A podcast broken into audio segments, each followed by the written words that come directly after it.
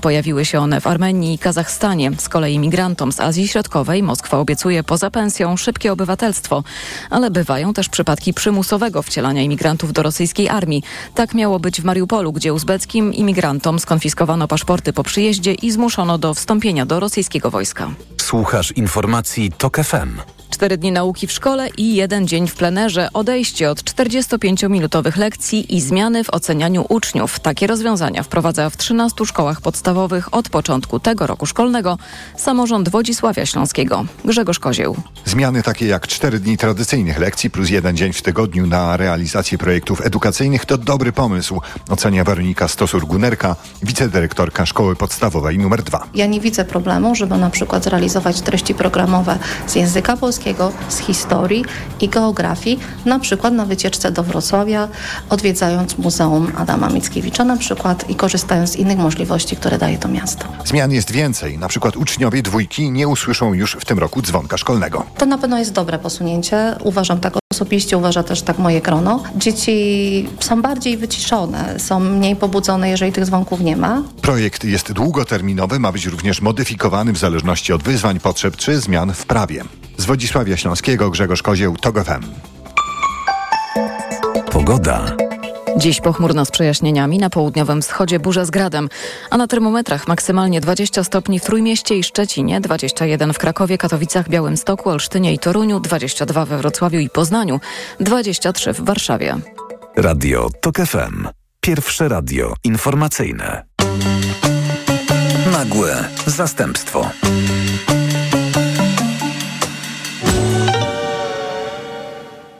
Tekst amerykańskie credo zaczyna się od następujących słów. Jestem Amerykanką. Nie roszczę sobie praw ani do przodków, którzy przybyli tu na Mayflower, ani na statku niewolników w 1916. Uważam się za przedstawicielkę ludności mieszanej, w której żyłach płynie krew trzech wielkich ras kaukaskiej, negroidalnej i mongoidalnej. Niektórzy z moich przodków pochodzili z Anglii, Walii, Szkocji. Inni przepłynęli tu na okrętach towarowych z Afryki. Jeszcze inni byli rdzennymi mieszkańcami amerykańskiej ziemi, a kolonistów spotkali dopiero po ich przybyciu. Walczyli tu i przemieszali swoją krew. Jestem ich produktem. Oprę się każdej próbie skategoryzowania mnie, przeporządkowania do jakiejś kasty, każdej segregacji. Polly Murray napisała te słowa jako świeżo upieczona absolwentka prawa. Czarnoskóra, 35-letnia z dyplomem filologii angielskiej uzyskanym 10 lat wcześniej. Był rok 1945. Dopiero za 4 lata Eleanor Roosevelt zapozuje do słynnego zdjęcia z plakatem, na którym zmieściła się cała powszechna deklaracja praw człowieka. Wojna w Europie, jedna z najbardziej rasistowskich dziejach świata, dopiero się kończyła. Prawa Jima Crowa zestaw reguł, który pozwalał amerykańskiemu południu traktować czarnych jak podludzi, miały się w chwili, gdy Polly Murray pisała swój tekst po prostu doskonale. Do ich pełnego obalenia w drodze ustawy o prawach obywatelskich miało jeszcze minąć 19 lat. Do pełnego uznania praw wyborczych dokładnie 20. Na gest Rosie Parks, która odmówiła ustąpienia miejsca białym pasażerom w autobusie, trzeba było czekać jeszcze 10 lat. A jednak to właśnie w 1945 roku Polly Murray pisała Zamierzam zniszczyć segregację metodami pozytywnymi i włączającymi. Tam, gdzie moi bracia próbują wyrysować okrąg, który mnie wyklucza, ja rysuję większy, który ich obejmie. Tam, gdzie oni mówią o przywilejach dla garstki, ja krzyczę o prawach całej ludzkości. Nie będę błagać, grozić ani uwodzić mojego kraju i jego mieszkańców. Z pokorą, ale i z dumą poświęcę jedno małe życie w okopie albo szczerym polu, starczą lub na tarczy, by spełniło się proroctwo, które głosi, że wszyscy ludzie są równi. Tekst Mireille pełni dzisiaj rolę publicystycznego zabytku, czegoś, co de facto najlepiej oddawało esencję działań organizacji takich jak NAACP, czyli Organizacji na Rzecz Równouprawnienia Kolorowych, powstałej w 1909 roku. Jej metody były właśnie głównie metodami prawnymi, a więc tak jak tego chciała Mireille, pokojowymi i konstytucyjnymi. Ale to dzięki tekstom takim jak amerykańskie credo Martin Luther King 28 sierpnia 1963 roku, porzuciwszy podobno napisany i zaplanowany tekst przemówienia, po 11 minutach zaczął mówić o swoim śnie. I have a dream that one day this nation will rise up and live out the true meaning of its creed. We hold these truths to be self evident that all men are created equal.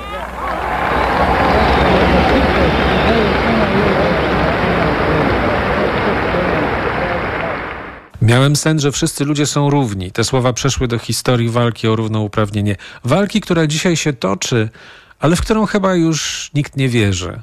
Tak samo jak w uniwersalne sensy człowieczeństwa, ani w prawa człowieka, ani w to, że źródłem godności jest samo człowieczeństwo, a nie cierpienia, których ta czy inna grupa miałaby doświadczać. Co dzisiaj napisałaby Polly Murray, a co wygłosił Martin Luther King? Ona pewnie walnęłaby na Insta jakiś wpis o tym, że ma bekę z przemówień Roosevelta i dodała hashtag do dupy z rasizmem.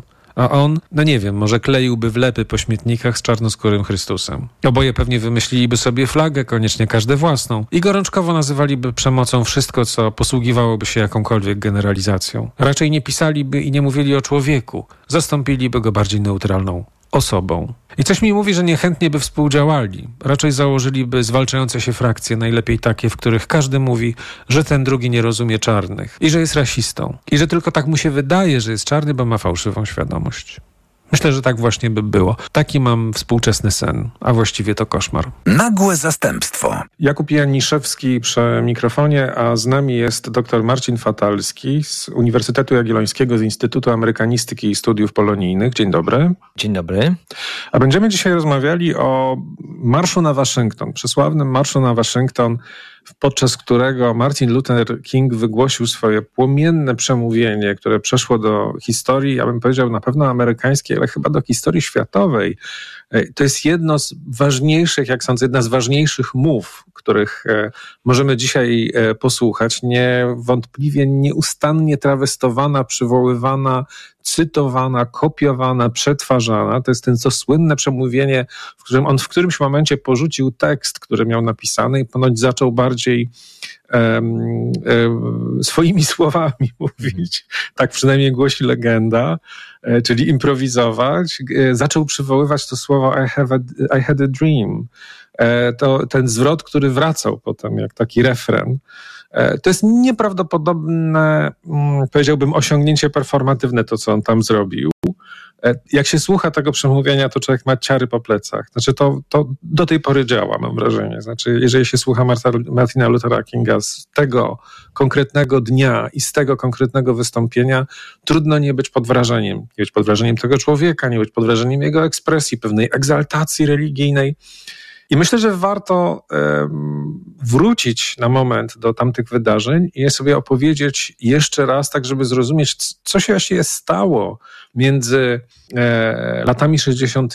XX wieku a dniem dzisiejszym. Bo teoretycznie aktywizm ma się świetnie, ale to jest coś zupełnie innego. Ten aktywizm dzisiaj na coś zupełnie innego stawia E, akcent. Więc może przywołajmy tamte wydarzenia. Co to był ten marsz na Waszyngton, panie doktorze? Może od tego zacznijmy. Chodzi o to, że dla Kinga, dla tego ruchu na rzecz równości obywatelskiej Afroamerykanów, ten marsz miał być wielką demonstracją polityczną, przyspieszającą zmiany w Stanach Zjednoczonych, niejako wymuszającą przyspieszenie osiągnięcia przez czarnych Amerykanów pełnego społecznego i politycznego równouprawnienia. W ogóle dla Stanów Zjednoczonych lata 60. to jest okres no, niesamowity.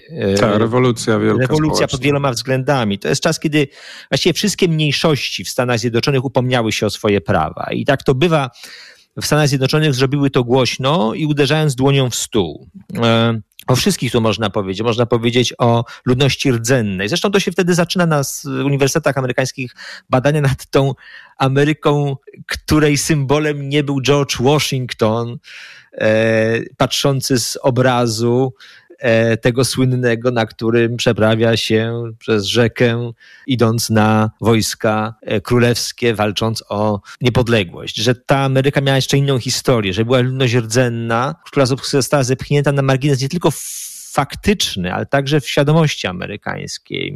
To jest rewolucja seksualna przecież, lata 60. To jest upomnienie się o swoje prawa mniejszości seksualnych, każdej mniejszości właściwie. I y, oczywiście Afroamerykanie to była najliczniejsza, y, najpoważniejsza grupa, stanowiąca mniejszość w społeczeństwie amerykańskim, ale też przed jej wolą jakby uzyskania pełni praw chyba najsilniej się większość broniła. Zawsze jest tak, tak, historycznie czy socjologicznie rzecz ujmując, że większość obawia się utracenia swojej uprzywilejowanej pozycji i reaguje gwałtownie, alergicznie na tę zmianę, która ma nastąpić. Czy ona czasami jest nieuchronna, można ją spowolnić, tak czy inaczej przychodzi. W Stanach Zjednoczonych tak się składa, odbywało się to w sposób bardzo dramatyczny. Druga wojna światowa, myślę, stanowi przełom, ale tak naprawdę te procesy zaczynają się na początku XX wieku, no można by jeszcze sięgać do wojny secesyjnej. Powiedzmy krótko. Po wojnie secesyjnej w Stanach Zjednoczonych czarni uzyskali formalnie prawa obywatelskie. Czyli właściwie niczym teoretycznie nie różnili się od białych obywateli Stanów Zjednoczonych,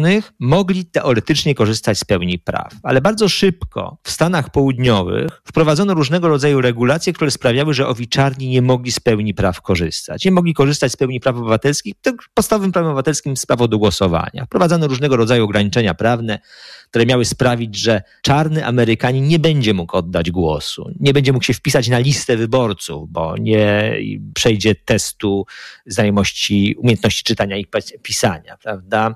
Bo nie spełni różnego rodzaju przepisów dotyczących pochodzenia od osoby wolnej. To były tak naprawdę niekonstytucyjne rozwiązania, no ale że Ameryka żyła w drugiej połowie XIX wieku innymi sprawami, generalnie przyjęto jakby akceptowano sytuację, w której czarni obywatele stali się w istocie obywatelami w dużej mierze drugiej kategorii.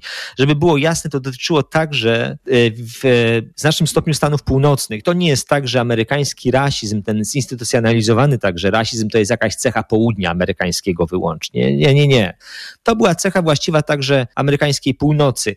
To jest trochę tak jak dziś, to znaczy wielkimi ideami często żyją środowiska wielkomiejskie, mm, które są bardzo zaangażowane zaangażowany, to o czym pan powiedział, ten aktywizm taki. Natomiast przeciętni Amerykanie z pewną niechęcią myśleli o pełnym, pełnym równouprawnieniu czarnych, to oczywiście miało swoje bardzo istotne konsekwencje. Dlatego, że czarni nie korzystają z pełni praw obywatelskich, nie korzystali także z pełni możliwości, tak chociażby jak edukacja. Czyli siłą rzeczy oni kończyli zarówno edukację, jak i kariery zawodowe na takim etapie, który nie dawał im możliwości wejścia w pełni w ten, czy korzystania w pełni z, z, z możliwości, które stwarzają Stany Zjednoczone, czy stwarzały Stany Zjednoczone. No i, i później przychodzi, to, oni oczywiście walczyli o to. To jest kwestia różnego rodzaju ruchu. Trzeba powiedzieć tak dla porządku Narodowym Stowarzyszeniu na, na Rzecz Postępu Ludności Kolorowej, najbardziej wpływowym, najbardziej znaczącym środowisku, National Association for the Advancement of Colored People, czyli ci, którzy walczyli o to równouprawnienie. Ale myślę, że przełom to jest druga wojna światowa, pod wieloma względami, no także dlatego, że, że bardzo wielu czarnych Amerykanów walczyło. I później już nie sposób było utrzymywać no, ten najważniejszy relikt rasizmu, czyli segregację rasową w pełnym tego słowa znaczeniu. Ona się najwcześniej kończy w armii. No ale skończenie jej w tej przestrzeni publicznej, czyli zakończenie sytuacji, której e, czarni nie mają dostępu do, do tej samej jadalni, e, restauracji, stołówki albo tego samego miejsca w restauracji, tego samego miejsca w autobusie.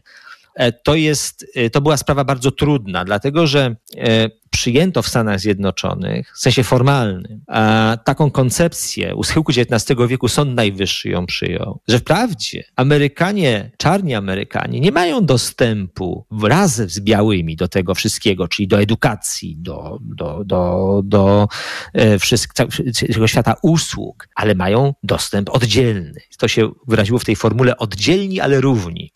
Ona przez ten sam Sąd Najwyższy, ale już w innym składzie, e, pół wieku później, ponad pół wieku później, w roku 1954 zostanie obalona, e, bo Sąd Najwyższy stanie wtedy na innym stanowisku. Ja tutaj powiem będą ciekawostkę. E, ten Sąd Najwyższy wtedy był pod, pod kierunkiem sędziego Warrena. On później stanie na, na, na, na czele komisji badającej okoliczności śmierci Kennedy'ego i prezydent ówczesny Eisenhower zaprosił Warrena i tak rozmawia z nim i mówi Panie sędzio, południowcy to nie są źli ludzie. Hmm. Oni tylko nie chcą, żeby ich śliczne białe dziewczynki siedziały w ławkach obok wyrośniętych murzynów. Ale to jest bardzo ciekawy wątek. Ja myślę, że to trzeba, trzeba e, się nad tym przez chwilę zatrzymać, bo um, ponieważ mamy 60. rocznicę Marszu na Waszyngton, 28 sierpnia to się wydarzyło, w mediach amerykańskich było bardzo dużo mm, takich historycznych materiałów, które przypominały atmosferę, w, jakim, e, w jakiej ten marsz się odbywał. Jednym,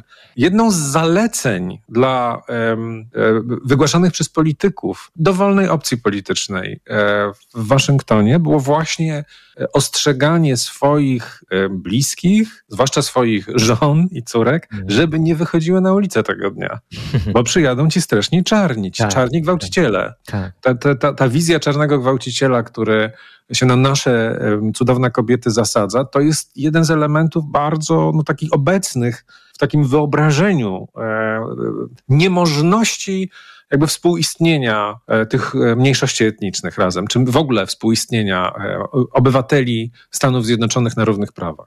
No, oni nie mieli do czynienia, nawet po, na północy, no, była, tam mieszkali głównie czarni, którzy byli wolni. jeszcze w okresie przed wojną secesyjną, taka krótka wycieczka w przeszłość, ale nawet tam na północy bano się, no bo no bo tak się zastanawiano, y, właściwie to co? No te, te setki tysięcy ludzi żyjących do tej pory w stanie niewoli, kierowanych, które każdy dzień był poukładany, no i teraz staną się wolni, rozejdą się po kraju, prawda? I będą stanowić dla nas fizyczne zagrożenie. No więc ten lęk, on dziedziczony z pokolenia na pokolenie. Przecież większość Amerykanów z takiej klasy średniej, mm, zwłaszcza z klasy wyższej, y, z Afroamerykanami w ogóle nie miała do czynienia. Taka jest prawda. No, prezydent Kennedy to są lata przecież jego urzędowania, ten marsz na Waszyngton 63 rok.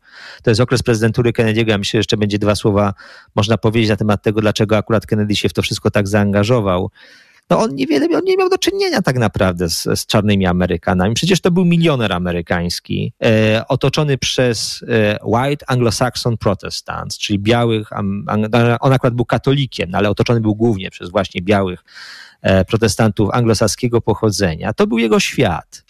I myślę, że dla, mm, dla wielu Amerykanów właśnie mm, to się wiązało z pewnym lękiem. Oni, na, nawet jeśli byli wolni od, od y, takich z, y, zachowań właściwych może dla Ku Klux Klanu swego czasu, czyli wręcz nie, nienawiści do czarnych, chęci pognębienia czarnych, to był w nich, było w nich poczucie, że to jest inny świat y, i z którym trudno współistnieć, no i byli trochę przerażeni tą perspektywą pełnego włączenia czarnych obywateli Stanów Zjednoczonych do ich świata, tego świata, w którym oni się czuli jakoś bezpiecznie i komfortowo. I to jest jeden z ważnych elementów. I, i, i myślę, jak wracamy do Eisenhowera na chwilę, czyli poprzednika prezydenta Kennedy'ego, bo na lata 50. to jest okres takich wielkich kroków właśnie w kierunku równouprawnienia. No przede wszystkim Rosa Parks, prawda, jej mm. wielki protest, który de facto stworzył niejako Martina Luthera Kinga jako lidera, to znaczy gdyby on się w to nie zaangażował, E, w proces Rozy Park, która nie, nie ustąpiła miejsca w autobusie właśnie białemu niby, że teoretycznie powinna tego nie zrobiła, e, to, e, to właściwie po pierwsze, być może byśmy o niej nie pamiętali, na pewno nie pamiętalibyśmy o nim. Znaczy to były takie wydarzenia, które no, w pewnym sensie się zapętliły. To jest pe pewna całość dzisiaj. Tak, no bo to sytuacja stwarza człowieka, to znaczy mm, musi, musi powstać okoliczność, w której ktoś będzie mógł ujawnić chociażby to, o czym pan pan powiedział, ten jego, ten, charyzmę, prawda, to, to on być może pozostałby znany na poziomie lokalnym, albo w ogóle byłby postacią nieznaną, gdyby nie fakt, że jego mm, aktywizm połączony z jego osobowością e, wyniosły go e, do roli trybuna e, Afroamerykanów w tym ważnym momencie historycznym. Tak samo stało się z Rosą Parks. No przecież ile było przed nią osób, które gdzieś tam w jakimś momencie weszły może w konflikt z e, władzami administracyjnymi. Gdzieś się tam o nich wspomina w bardzo szczegółowych opracowaniach, ale do historii nie przeszły, no bo to nie był ten moment jeszcze, prawda? E, to e, zawsze jest tak, że są jacyś reformatorzy czy aktywiści, którzy nie trafiają na swój czas, a lata 50., 60. to był okres bardzo gwałtownych przemian społecznych i także przemian w świecie. Mm, I myślę, że trzeba zważyć na to, iż Eisenhower i wielu, wielu przedstawicieli elit amerykańskich, oni uważali, że mm, to, co się dzieje w Stanach, czyli ta, to, to, czego, albo inaczej, to, czego oczekują liberałowie amerykańscy, takich nazwijmy umownie, czyli ci, którzy domagali się e, bardzo intensywnych i szybkich zmian w zakresie równouprawnienia Afroamerykanów, to jest wyprzedzanie świadomości obywateli, które może przynieść więcej szkody niż pożytku. Ale kiedy Eisenhower już stanął wobec tego orzeczenia Sądu Najwyższego, to zachował się jak trzeba. Tylko na jedną rzecz może warto zwrócić uwagę, bo jak już mówimy o tych ważnych wydarzeniach poprzedzających 63 rok, jest taki moment, kiedy grupa czarnych uczniów chciała wejść do szkoły, w której obowiązywała segregacja. To było w miejscowości Little Rock i im to uniemożliwiono. I wtedy prezydent Eisenhower wysłał wojsko. To nie były jakieś jednostki dru drugoplanowe. To byli uzbrojeni po zęby żołnierze, którzy wymusili na lokalnych władzach posłuszeństwo i wprowadzili tych uczniów do szkoły. I Eisenhower wygłosił wtedy przemówienie. Generał Eisenhower, dowódca, przypomnijmy, wojsk alianckich z czasów II wojny światowej na froncie europejskim, później prezydent Stanów Zjednoczonych z ramienia Partii Republikańskiej, powiada tak: Nie jest naszą rzeczą oceniać słuszność czy niesłuszność orzeczeń Sądu Najwyższego, ale jest rolą mhm. prezydenta Stanów Zjednoczonych doprowadzić do wykonania orzeczenia Sądu Najwyższego.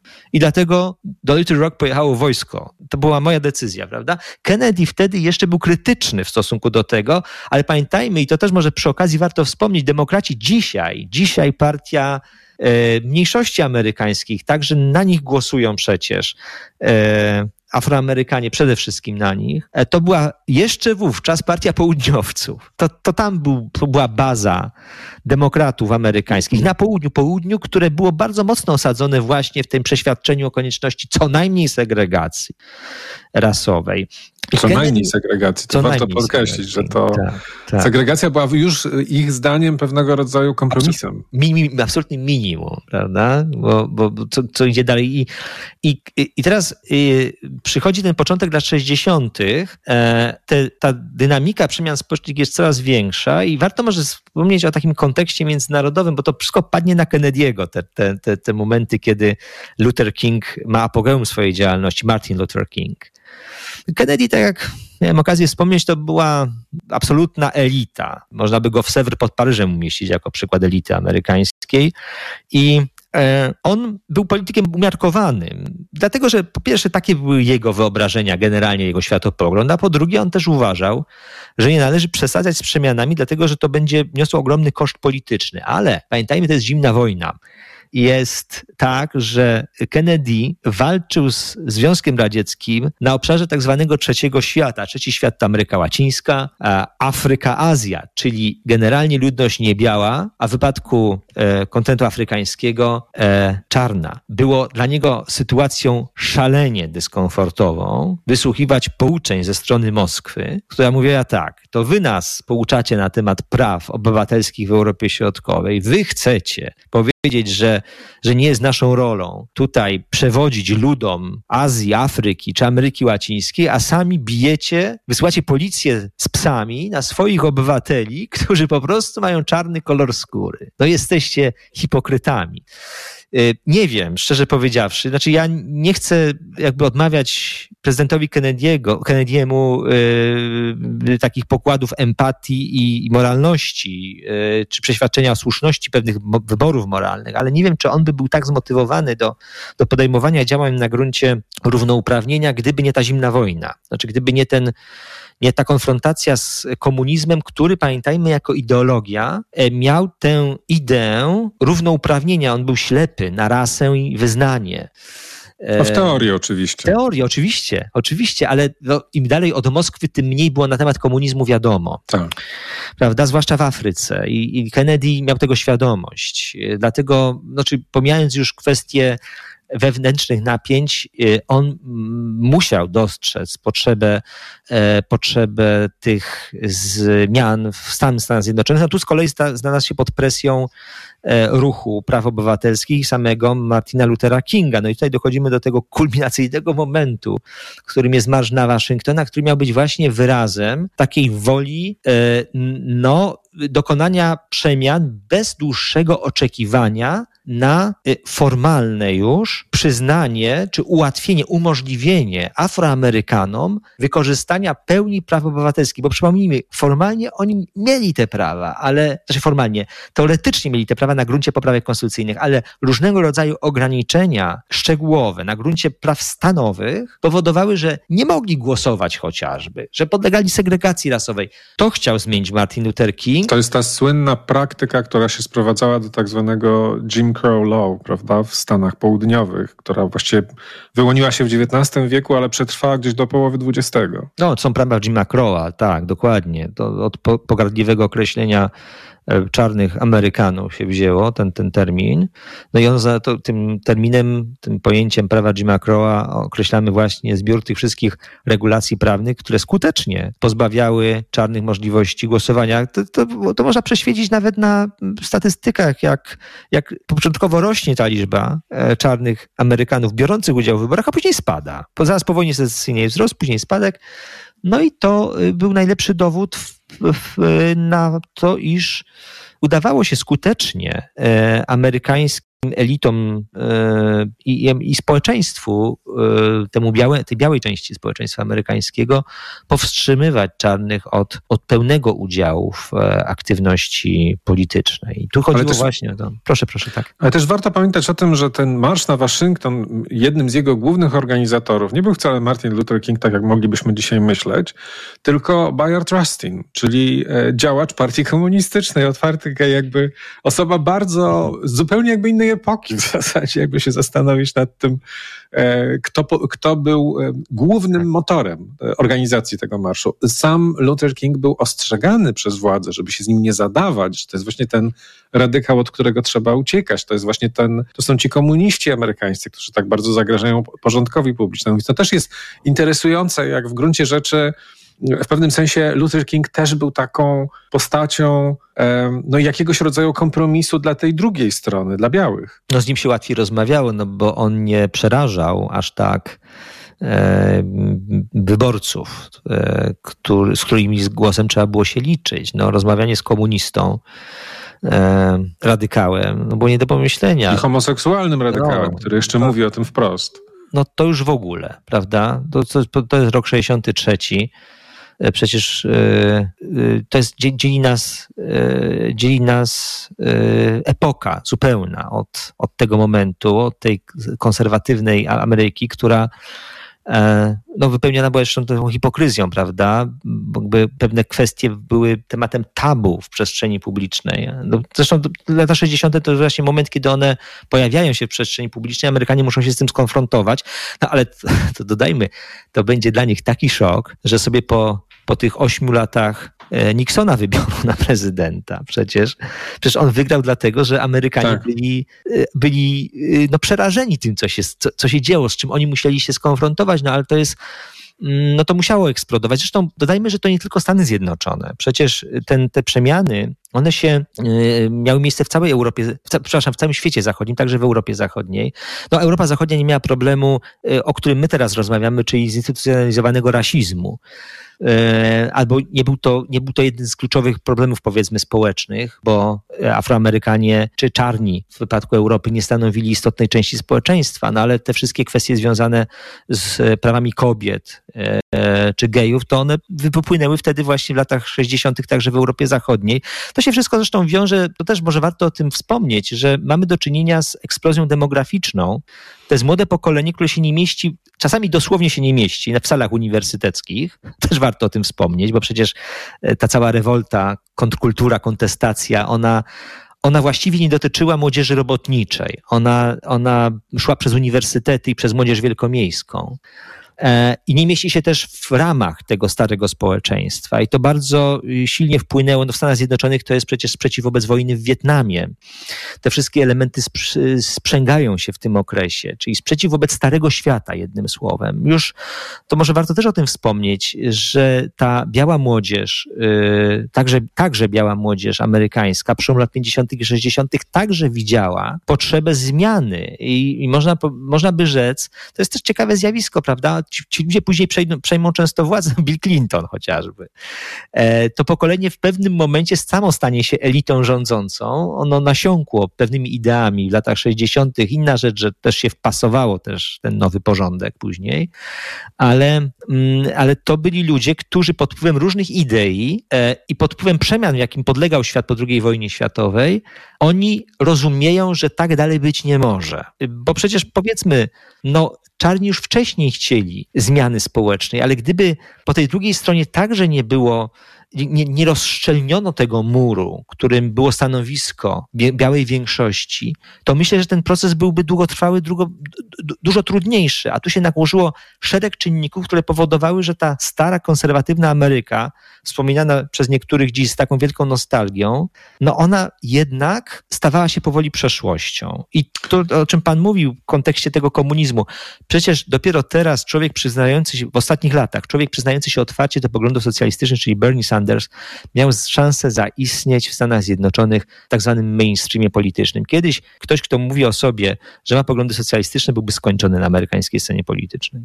To jest wszystko prawda. E, warto jednak pamiętać o tym, że jeśli chodzi o ten ruch emancypacyjny, czy ruch wyzwolenia e, czarnoskórych, to on też jakby wyrastał z bardzo różnych ścieżek i z bardzo różnych podejść. Jednym z nich było właśnie takie podejście religijne, które trochę brzmi jak podejście komunizujące, ale to są inne źródła. To znaczy mamy tych komunistów właśnie e, takich jak e, Bayard Rustin, ale mamy też e, takich działaczy czy takich ideologów w zasadzie wyzwolenia mm, z tej segregacji rasowej z, tego, z tej nierówności społecznej, jak Pauli Murray, czyli poetka, która już w 1945 roku napisała taki słynny tekst, e, amerykańskie credo, w którym po pierwsze pisała o tym, że jej tożsamość jest tożsamością amerykańską i ona absolutnie nie ma nic do czynienia z jakąkolwiek afroamerykańską tożsamością. Czyli to, że jej przodkowie jacyś przypłynęli kiedyś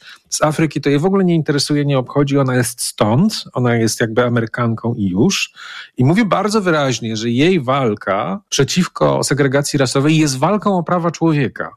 I to jest oczywiście bardzo mocno podbite taką religijną treścią, która była też bardzo obecna e, i w ekspresji, i w sposobie myślenia Martina Luthera Kinga, prawda? Że to, żeby też nie zapominać o tym, że te korzenie, które prowadziły do um, rzeczywiście rewolucji społecznej, zrównania praw, jakby odejścia radykalnego, zerwania z tym, co się nazywało Jim Crow Laws, to wszystko się, e, to wynikało z bardzo różnych tradycji. Ale oczywiście, zresztą pan o tym wspomniał na początku, kiedy, kiedy mówił pan, panie redaktorze, o, o samym Kingu, że on przecież e, wyprowadzał cały swój światopogląd i tę wolę walki o prawa człowieka, bo przypomnijmy właśnie, chodzi o prawa człowieka, oni to podkreślali, e, z innych źródeł, to źródeł związanych właśnie z chrześcijaństwem. Zresztą warto może wspomnieć o tym, że, że cały ruch na rzecz abolicjonizmu jeszcze przed wojną secesyjną, on się wiązał z tym religijnym przebudzeniem w Stanach Zjednoczonych. Przecież e, ta bardzo istotna część tego ruchu, może go nawet konstytuująca w okresie przed e, Wielką Amerykańską Wojną Domową, no to ona się wywodziła właśnie z nurtu osadzonego religijnie. Ja bym powiedział, że mm, to, to, trudno to zmierzyć, ale, ale że y, to jest chyba dominujący kontekst y, tego, skąd się wywodzą w ogóle, wywodziły idee walki o równouprawnienie Afroamerykanów. Przypomnijmy, że że y, przecież to społeczność afroamerykańska, ona niekoniecznie była jakaś szczególnie lewicująca czy, czy y, anarchizująca, nie wiem jakiego słowa tutaj użyć. To byli ludzie y, często dość konserwatywnych poglądach. Oni po prostu upominali się o swoje miejsce w społeczeństwie. I y, zresztą, jakbyśmy spojrzeli jeszcze znów w przeszłość, to oczywiście fakt, że niewolnictwa nie było w Nowej Anglii, tylko w tych Stanach Południowych, wcześniej w koloniach południowych, a później w Stanach Południowych, miał swoje uzasadnienie w kwestiach ekonomicznych, bo na południu niewolnik mógł być wykorzystywany przez cały rok, w Nowej Anglii nie, ale e, to miało także uzasadnienie religijne, to znaczy część Amerykanów y, uważała, że to po prostu jest niemoralne, niewolnictwo jest niemoralne. I to się, ten pogląd się szalenie umacnia przed wojną secesyjną i później to będzie wracało. To jest to, o czym pan wspomniał. Y, więc źródło tego, tej, tego sprzeciwu wobec segregacji rasowej i wobec y, odbierania czarnym obywatelom Stanów Zjednoczonych ich praw obywatelskich, de facto praw człowieka także, ono sięgało tej amerykańskiej przypomnijmy też protestanckiej, bo to bardzo silnie jest protestancki, protestancki, protestanckie chrześcijaństwo, e, protestanckiego światopoglądu, takiego pojęcia na temat tego, że człowiek ma godność, ma prawa, i nikt, i drugi człowiek nie może mu ich odebrać, a już w szczególności nie może odebrać ze względu właśnie na jakieś cechy indywidualne, takie jak kolor skóry, że to jest, jest po prostu niegodziwość. I, i z, tego, z tego to wypływało. Myślę, że, że nawet więcej tam było tego rodzaju motywacji niż, niż tych powiązanych z radykalizmem politycznym, bo, bo komuniści byli na cenzurowanym w Stanach Zjednoczonych właśnie ze względu na zimną wojnę. Proszę zauważyć, że o ile na przykład we Francji znajdujemy wielu intelektualistów obecnych w debacie publicznej lat 60., 50., 70., w e, przestrzeni publicznej, to w Stanach Zjednoczonych nie znajdziemy ich.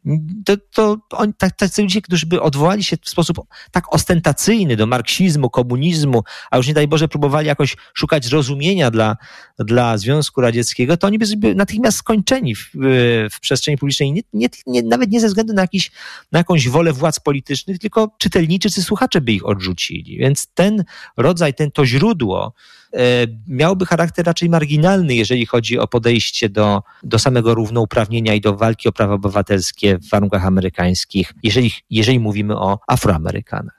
No ale równocześnie nie zapominajmy o tym, że do tego, mm, do tej demonizacji tej lewej strony bardzo mocno się przyczyniła działalność y, Josepha McCarthy, prawda? I jakby ten, ten, ten okres McCartyzmu w Stanach też swoje zrobił. To znaczy ta niechęć wobec lewicy, ona się nie wzięła z z kosmosu i wobec tych e,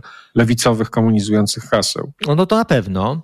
Joseph McCarthy mm, jest symbolem, nie tylko on tutaj miał swoje w cudzysłowie zasługi w polowaniach na czarownicę, e, ale on jest symbolem tego zjawiska z lat 50., które wiąże się z e, taką, znaczy może nie tyle z demonizowaniem komunizmu, ile z eksponowaniem przeświadczenia o tym, że komunizm jest czymś, co zagraża Stanom Zjednoczonym od wewnątrz, to, to znaczy, wszystko szpiedzy są. To wszystko szpiedzy są i oni też posługują się takimi, zresztą o, o takie radykalne kon, y, związki e, podejrzewał, podejrzewał Kinga FBI. No, pamiętajmy o postaci o wiele poważniejszej w amerykańskiej historii niż sam Joseph McCarthy, który tak błysnął przez moment, a później e, własna partia go, mówiąc obrazowo, wypluła.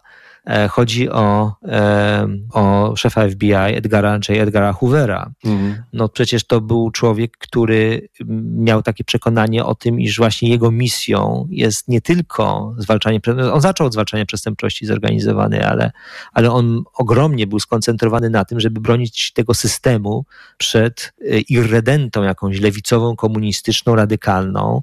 To on uważał to za swoją misję. I tutaj zresztą był spór między nim a tą elitą bardziej liberalną amerykańską, no oni uważali, że on ma pewną obsesję, e, a on wykorzystywał także e, FBI do do zwalczania tych, których uważał za zagrożenie dla y, amerykańskiego porządku publicznego, a działaczy na rzecz praw człowieka uważał za tych, którzy szkodzą Ameryce, no bo osłabiają spójność wewnętrzną kraju. Więc nawet y, nie, myślę, że to, to, to odwołanie do McCarthy'ego i do jego mm, takiej roli w tym, Y, podsyceniu amerykańskiego lęku. Zresztą to się nazywa e, Red Scare. Ameryka miała takie mm. dwa, dwie gorączki, czerwone gorączki czy strach przed czerwonym. Jeden był po I wojnie światowej, a drugi właśnie w latach 50.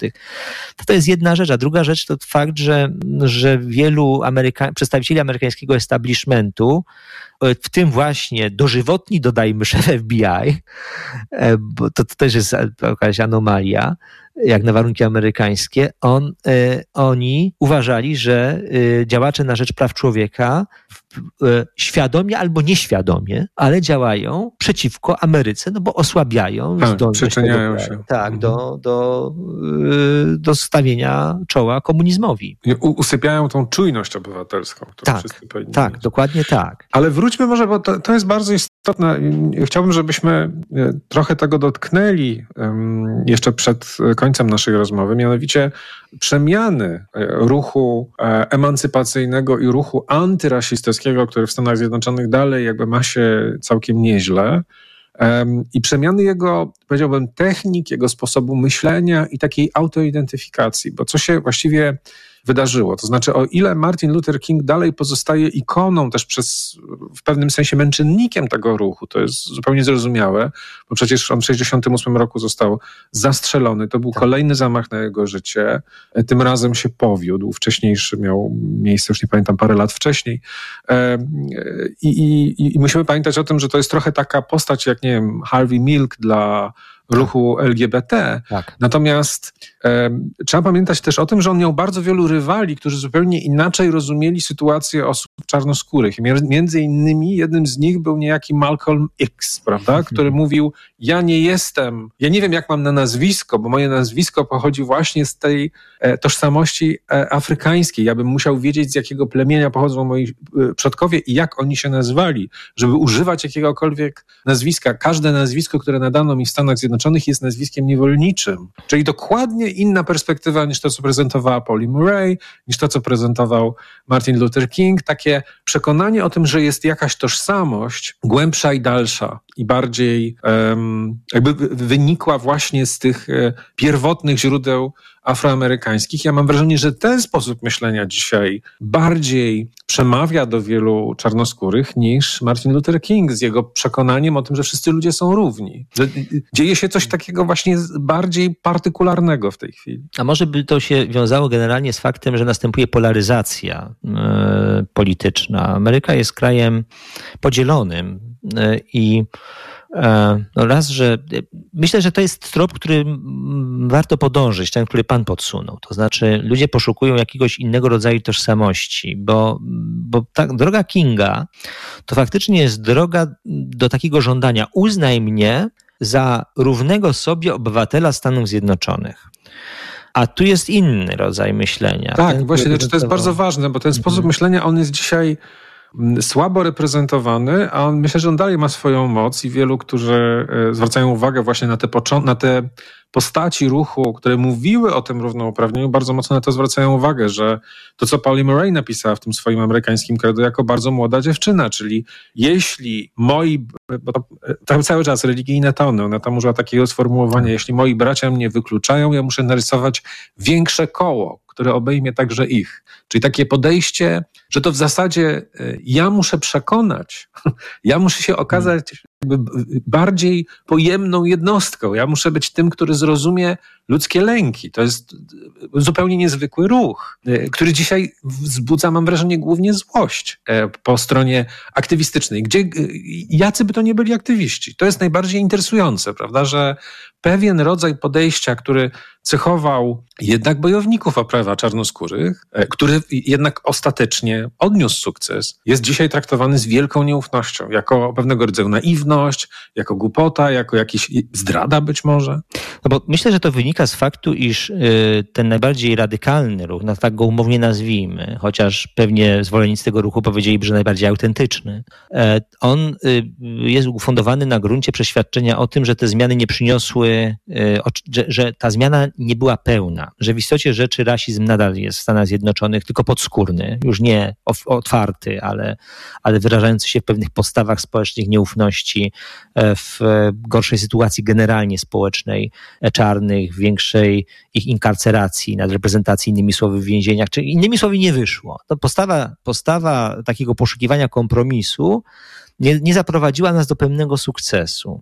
No ale to jest postawa, która też rodzi pewien problem związany z taką chyba atomizacją bo y, jeżeli by przyjąć pan wspomniał Malcolma X, gdyby, gdyby na niego spojrzeć, no to on nie szukał więzi z innymi Nie, właśnie, dokładnie. On nie szukał więzi. To jest bardzo istotny element tego sposobu myślenia. On mówił, ja wam nie ufam, wy jesteście przeciwko mnie, my się nigdy nie dogadamy. I to jest bardzo częste dzisiaj. My Dokładnie. się nigdy nie dogadamy.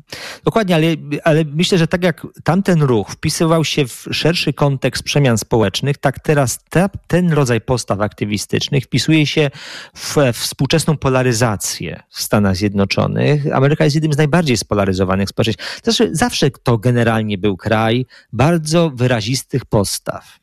Tylko myślę, że w tej chwili, jak badania tego dowodzą, jest duży, duża przepaść między różnymi grupami, między demokratami republikanami. No wystarczy spojrzeć na takie badania, które chociażby troszeczkę inaczej, ale tu można szukać analogii. Czy chciałbyś, żeby twój syn, córka, pytano ludzi, związał się z kimś, kto jest republikaninem, demokratą? No, to pytano w zależności od indywidualnych postaw. I oni odpowiadali, nie. No bo jak jestem demokratą, to nie chciałbym, żeby mój syn czy córka, prawda, w ten sposób.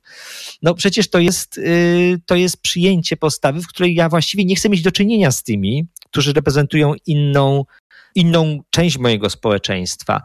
Yy, no ale to się bierze chyba właśnie z takiego przeświadczenia o tym, iż dotychczasowa polityka znaczy, że ona jest oparta na uznaniu, iż jakaś, jakiś rodzaj tożsamości jest lepszy. Może od tego zacznijmy. A mój rodzaj tożsamości, powiedzmy w ten sposób, moje korzenie afrykańskie, one są równoprawne, równie ważne i ja właściwie nie muszę się uważać za Amerykanina w takim rozumieniu, jakim się za niego uważa mój sąsiad, który jest white anglo-saxon protestant. E, a stąd już tylko krok do tego, żeby, żeby właściwie nie budować tych mostów e, w, e, w społeczeństwie. Nie wiem tylko dokąd taka, taki rodzaj postawy prowadzi, no bo bo jednak. Mm, no do poczucia krzywdy, wzrostu poczucia krzywdy u wszystkich właściwie prędzej czy później, bo ja jestem ten lepszy, a mnie nie rozumieją.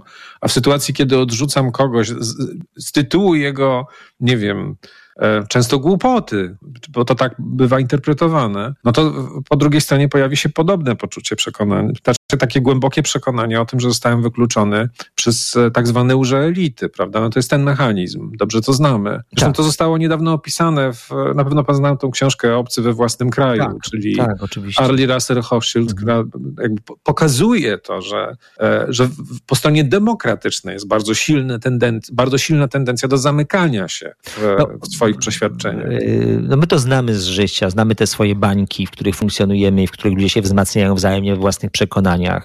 E, nie ma już poszukiwania tego, e, tego, tej wspólnoty, czy y, nie ma tego umiaru. No, w tej chwili to, nie wiem, padło tutaj nazwisko Eisenhowera. On, o niego ubiegali się i demokraci, i republikanie, żeby kandydował od nich. Ja sobie nie wyobrażam teraz polityka amerykańskiego, który byłby taki pasujący jednym i drugim, prawda? E, no w takiej rzeczywistości politycznej. Yy, Albo który poszedłby tak dalece za literą prawa, prawda? Który by powiedział, e, niezależnie od tego, czy mi się to podoba, czy nie, ja muszę tego bronić. To jest dopiero, to jest w ogóle nie, nie dzisiejsza postawa polityczna. No nie dzisiejsza. Znaczy ona może dla Ameryki jest jeszcze jakoś do wyobrażenia, bo E, nawet jeżeli, mm, to tylko, tylko nie, nie, chciałbym bardzo zmieniać jakby kursu naszej rozmowy, czy kierunku naszej rozmowy, no ale jeżeli przyjąć, że to sam Donald Trump nie mieścił się e, w, w tych warunkach instytucjonalnych Stanów, to jednak Ameryka go okiełznała trochę. To znaczy on nie mógł, no, no mógł, mógł tweetować, że, że ten sędzia, który tam ograniczył jego, jego decyzję, to on jest niegodziwiec, prawda? Ale nic z tym nie mógł zrobić. Czyli te instytucje jakoś tam działają, ale y, to, co jest problemem wielkim Ameryki w tej chwili, Stanów Zjednoczonych, to fakt, że bardzo wielu ludzi odmawia im już legitymizacji. I to też jest nowum e, w rzeczywistości społeczno-politycznej Stanów Zjednoczonych. Po prostu uważają, jedni uważają, że orzeczenie sądu jest e, po prostu stronnicze i nieuczciwe i jeżeli nie jest ich po ich myśli, i na odwrót. No i w, w tych warunkach, myślę, ten, y, te, te zjawiska społeczne, one, takie właśnie postawy, one się one właśnie idą w tym kierunku, który Pan nakreślił. Teraz się zastanawiam, kiedy rozmawiamy o tym, jaką rolę odgrywają w tym zresztą, odgrywa w tym debata. No nie chcę, bo jest taka maniera dość nieznośna obarczania mediów odpowiedzialnością za różne, za różne rzeczy, ale też y, w dużej mierze ten, ten spór, e, czy ten rodzaj e, spojrzenia na pewne kwestie, on wynika z faktu, iż tacy najbardziej radykalni e, zwolennicy pewnych koncepcji albo, albo nie szukający, czy odrzucający bardziej umiarkowane postawy, oni są najgłośniejsi, najchętniej pokazywani. No i przebijają się do tej przestrzeni i jakby do, determinują kierunek, w jakim zmierza określony ruch. Myślę, że to w dużej mierze z tego wynika, ale praprzyczyną chyba jest właśnie to, że z jednej strony jest to dobre zjawisko, znaczy uznano, że nie ma lepszych i gorszych e, standardów, e, źródeł pochodzenia, kultur. No ale od tego już tylko właśnie do uznania, słuchajcie, ja nie potrzebuję waszej tożsamości hmm. w takim rozumieniu, w jakim wy ją nakreślacie, ja mam swoją. Ale nie potrzebuję waszego zrozumienia. Nie to potrzebuję waszego zrozumienia, nie potrzebuję waszej akceptacji, tak, tak. Nie musimy być wspólnotą. Tak, nie, to, to nie, nieustanne podkreślanie, nie jesteśmy tacy sami, prawda? Tak. To, to, jest szalenie niepokojące i to jest takie zupełnie inne. No, w pewnym sensie dla mnie to, co jest niesamowite w, w ruchu jakby wyzwolenia czarnoskórych, to to, że w latach 40., kiedy oni byli naprawdę w niesłychanej wprost opresji, potrafili potrafili pisać takie teksty i mówić takie rzeczy i myśleć w taki sposób, właśnie powołując się na jakiegoś rodzaju godność ludzką, której jako żywo nie doświadczali. To znaczy, jak silna ta idea musiała być wtedy w szeroko rozumianym obiegu. Myślę, że w obiegu akademickim, w, w obiegu być może filozoficznym. E, oczywiście są lata II wojny światowej, no to jest ta Europa, w której w której toczy się walka z hitleryzmem, ale to, to, jednak robi wielkie wrażenie, prawda, że wtedy była jednak jakaś wiara we wspólnotę ludzką. To prawda, to prawda. E, a teraz to następuje, e, no to, to też coś zmienia. Zmienia się i rzeczywiście ja, ja, ja się zgadzam z Panem. No możemy spekulować na temat tego, e, czy to jest tak, że ostatecznie zostały zaprzepaszczone już takie koncepcje, które reprezentował właśnie Martin Luther King, który był zwolennikiem walki, ale bez przemocy.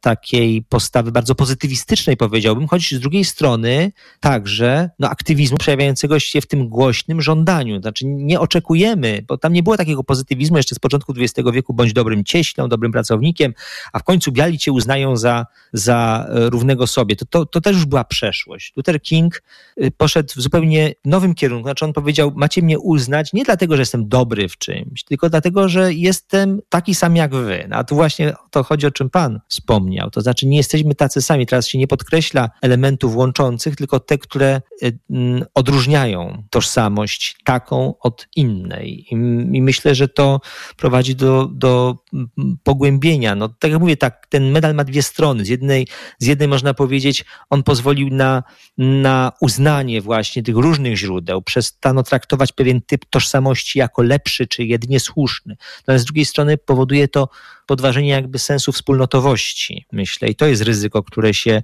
wiąże i przekłada oczywiście na rzeczywistość polityczną. I to jest ten poważny aspekt, yy, jakby to, to poważna konsekwencja procesów społecznych, które mają miejsce współcześnie w Stanach Zjednoczonych. Dziękuję bardzo. Dr Marcin Fatalski z Instytutu Amerykanistyki i Studiów Polonijnych Uniwersytetu Jagiellońskiego był Państwa i moim gościem. Nagłe zastępstwo.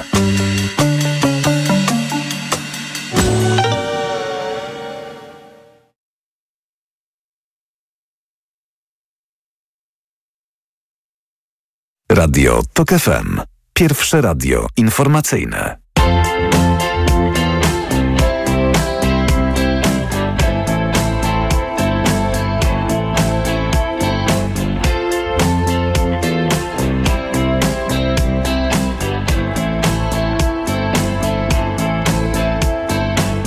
Czułem ogromny stres, gdy pisałem do niej SMS na najnowszej Nokii N95 Opener 2K10 cały pełny tent. Odpisała mi, że to na zawsze jest Ale pomyliła się Bo gdy to wspominam to nie czuję nic. Coś jakbym oglądał film. Każdy z aktorów dawno zmarł Z tym co dzisiaj mam też będzie tak. Chociażbym inaczej chciał Bo kiedyś, bo kiedyś, bo kiedyś wciąż trwał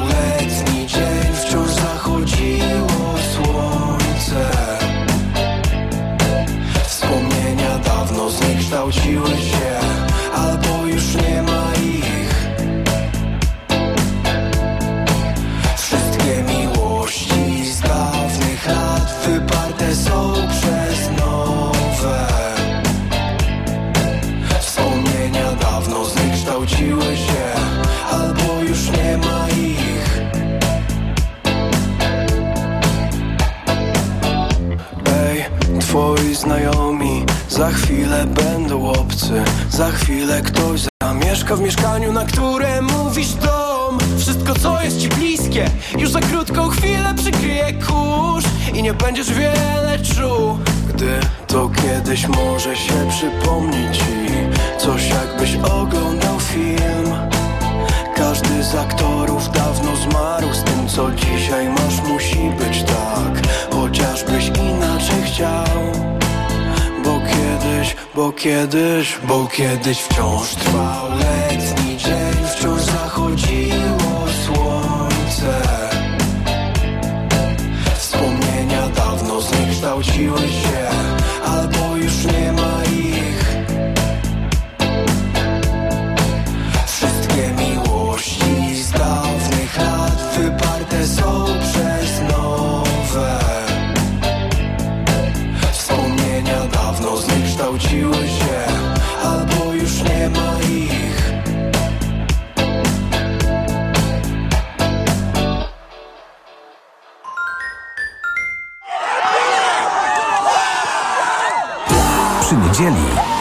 o sporcie w Radiu TOK FM od godziny 17. Reklama. Play w domu i poza domem. Przejdź do Play i korzystaj z nowoczesnej sieci 5G. Wybierz ofertę z internetem bez limitu prędkości i danych w smartfonie już od 35 zł miesięcznie. A do tego dokup smartfon Motorola w super cenie. Szczegóły w salonach i na play.pl, bo w Play płacisz mniej. Play. Czy wiesz, że olej rzepakowy zawiera aż 10 razy więcej kwasów omega-3 niż oliwa z oliwek? Nasza dieta jest w nie uboga, a to ważne dla zdrowia kwasy tłuszczowe. Kampania finansowana z Funduszu Promocji Roślin Oleistych. Po co bierzesz aż tyle różnych tabletek na odporność? Jak to? Witamina C, witamina D i cynk? Bo chcę wzmocnić organizm. Kochanie, przecież kupiłam Ascorvite Max. Wszystko masz w jednej tabletce. Nie musisz już kupować trzech produktów. Ascorvita Max? Tak, suplement diety Ascorvita Max. Zawiera aż 1000 mg witaminy C, a do tego wysoką dawkę witaminy D i cynku. Wszystko, czego potrzebujesz, by wzmocnić odporność. Ascorvita Max. Odporność na najwyższym poziomie. Zdrowit. W każdym wieku masz coś ważnego do zobaczenia. Jako nastolatek rozglądasz się za miłością. Po trzydziestce zaczynasz rzucać okiem na szybsze auta. Około pięćdziesiątki twoim oczkiem w głowie są wnuki. W każdym wieku przyjdź do Vision Express. Dostaniesz tyle zniżki, ile masz lat, plus 200 zł. A na okulary progresywne zniżkę liczymy potrójnie. Szczegóły i regulamin dostępne w salonach i na visionexpress.pl. Do zobaczenia w Vision Express. To jest wyrób medyczny. Używaj go zgodnie z instrukcją używania lub etykietą. Renault. Na drodze powinniśmy kontrolować wszystko, oprócz wyobraźni. Zaawansowane systemy wspomagania prowadzenia. System OpenAir Link z wbudowanymi usługami Google. Wybierz nowe Renault Austral. Skorzystaj z kredytu i zyskaj 7000 zł na wkład własny. Zapisz się na jazdę testową nowym Renault Austral. Szczegóły w salonach i na Renault.pl. Renault.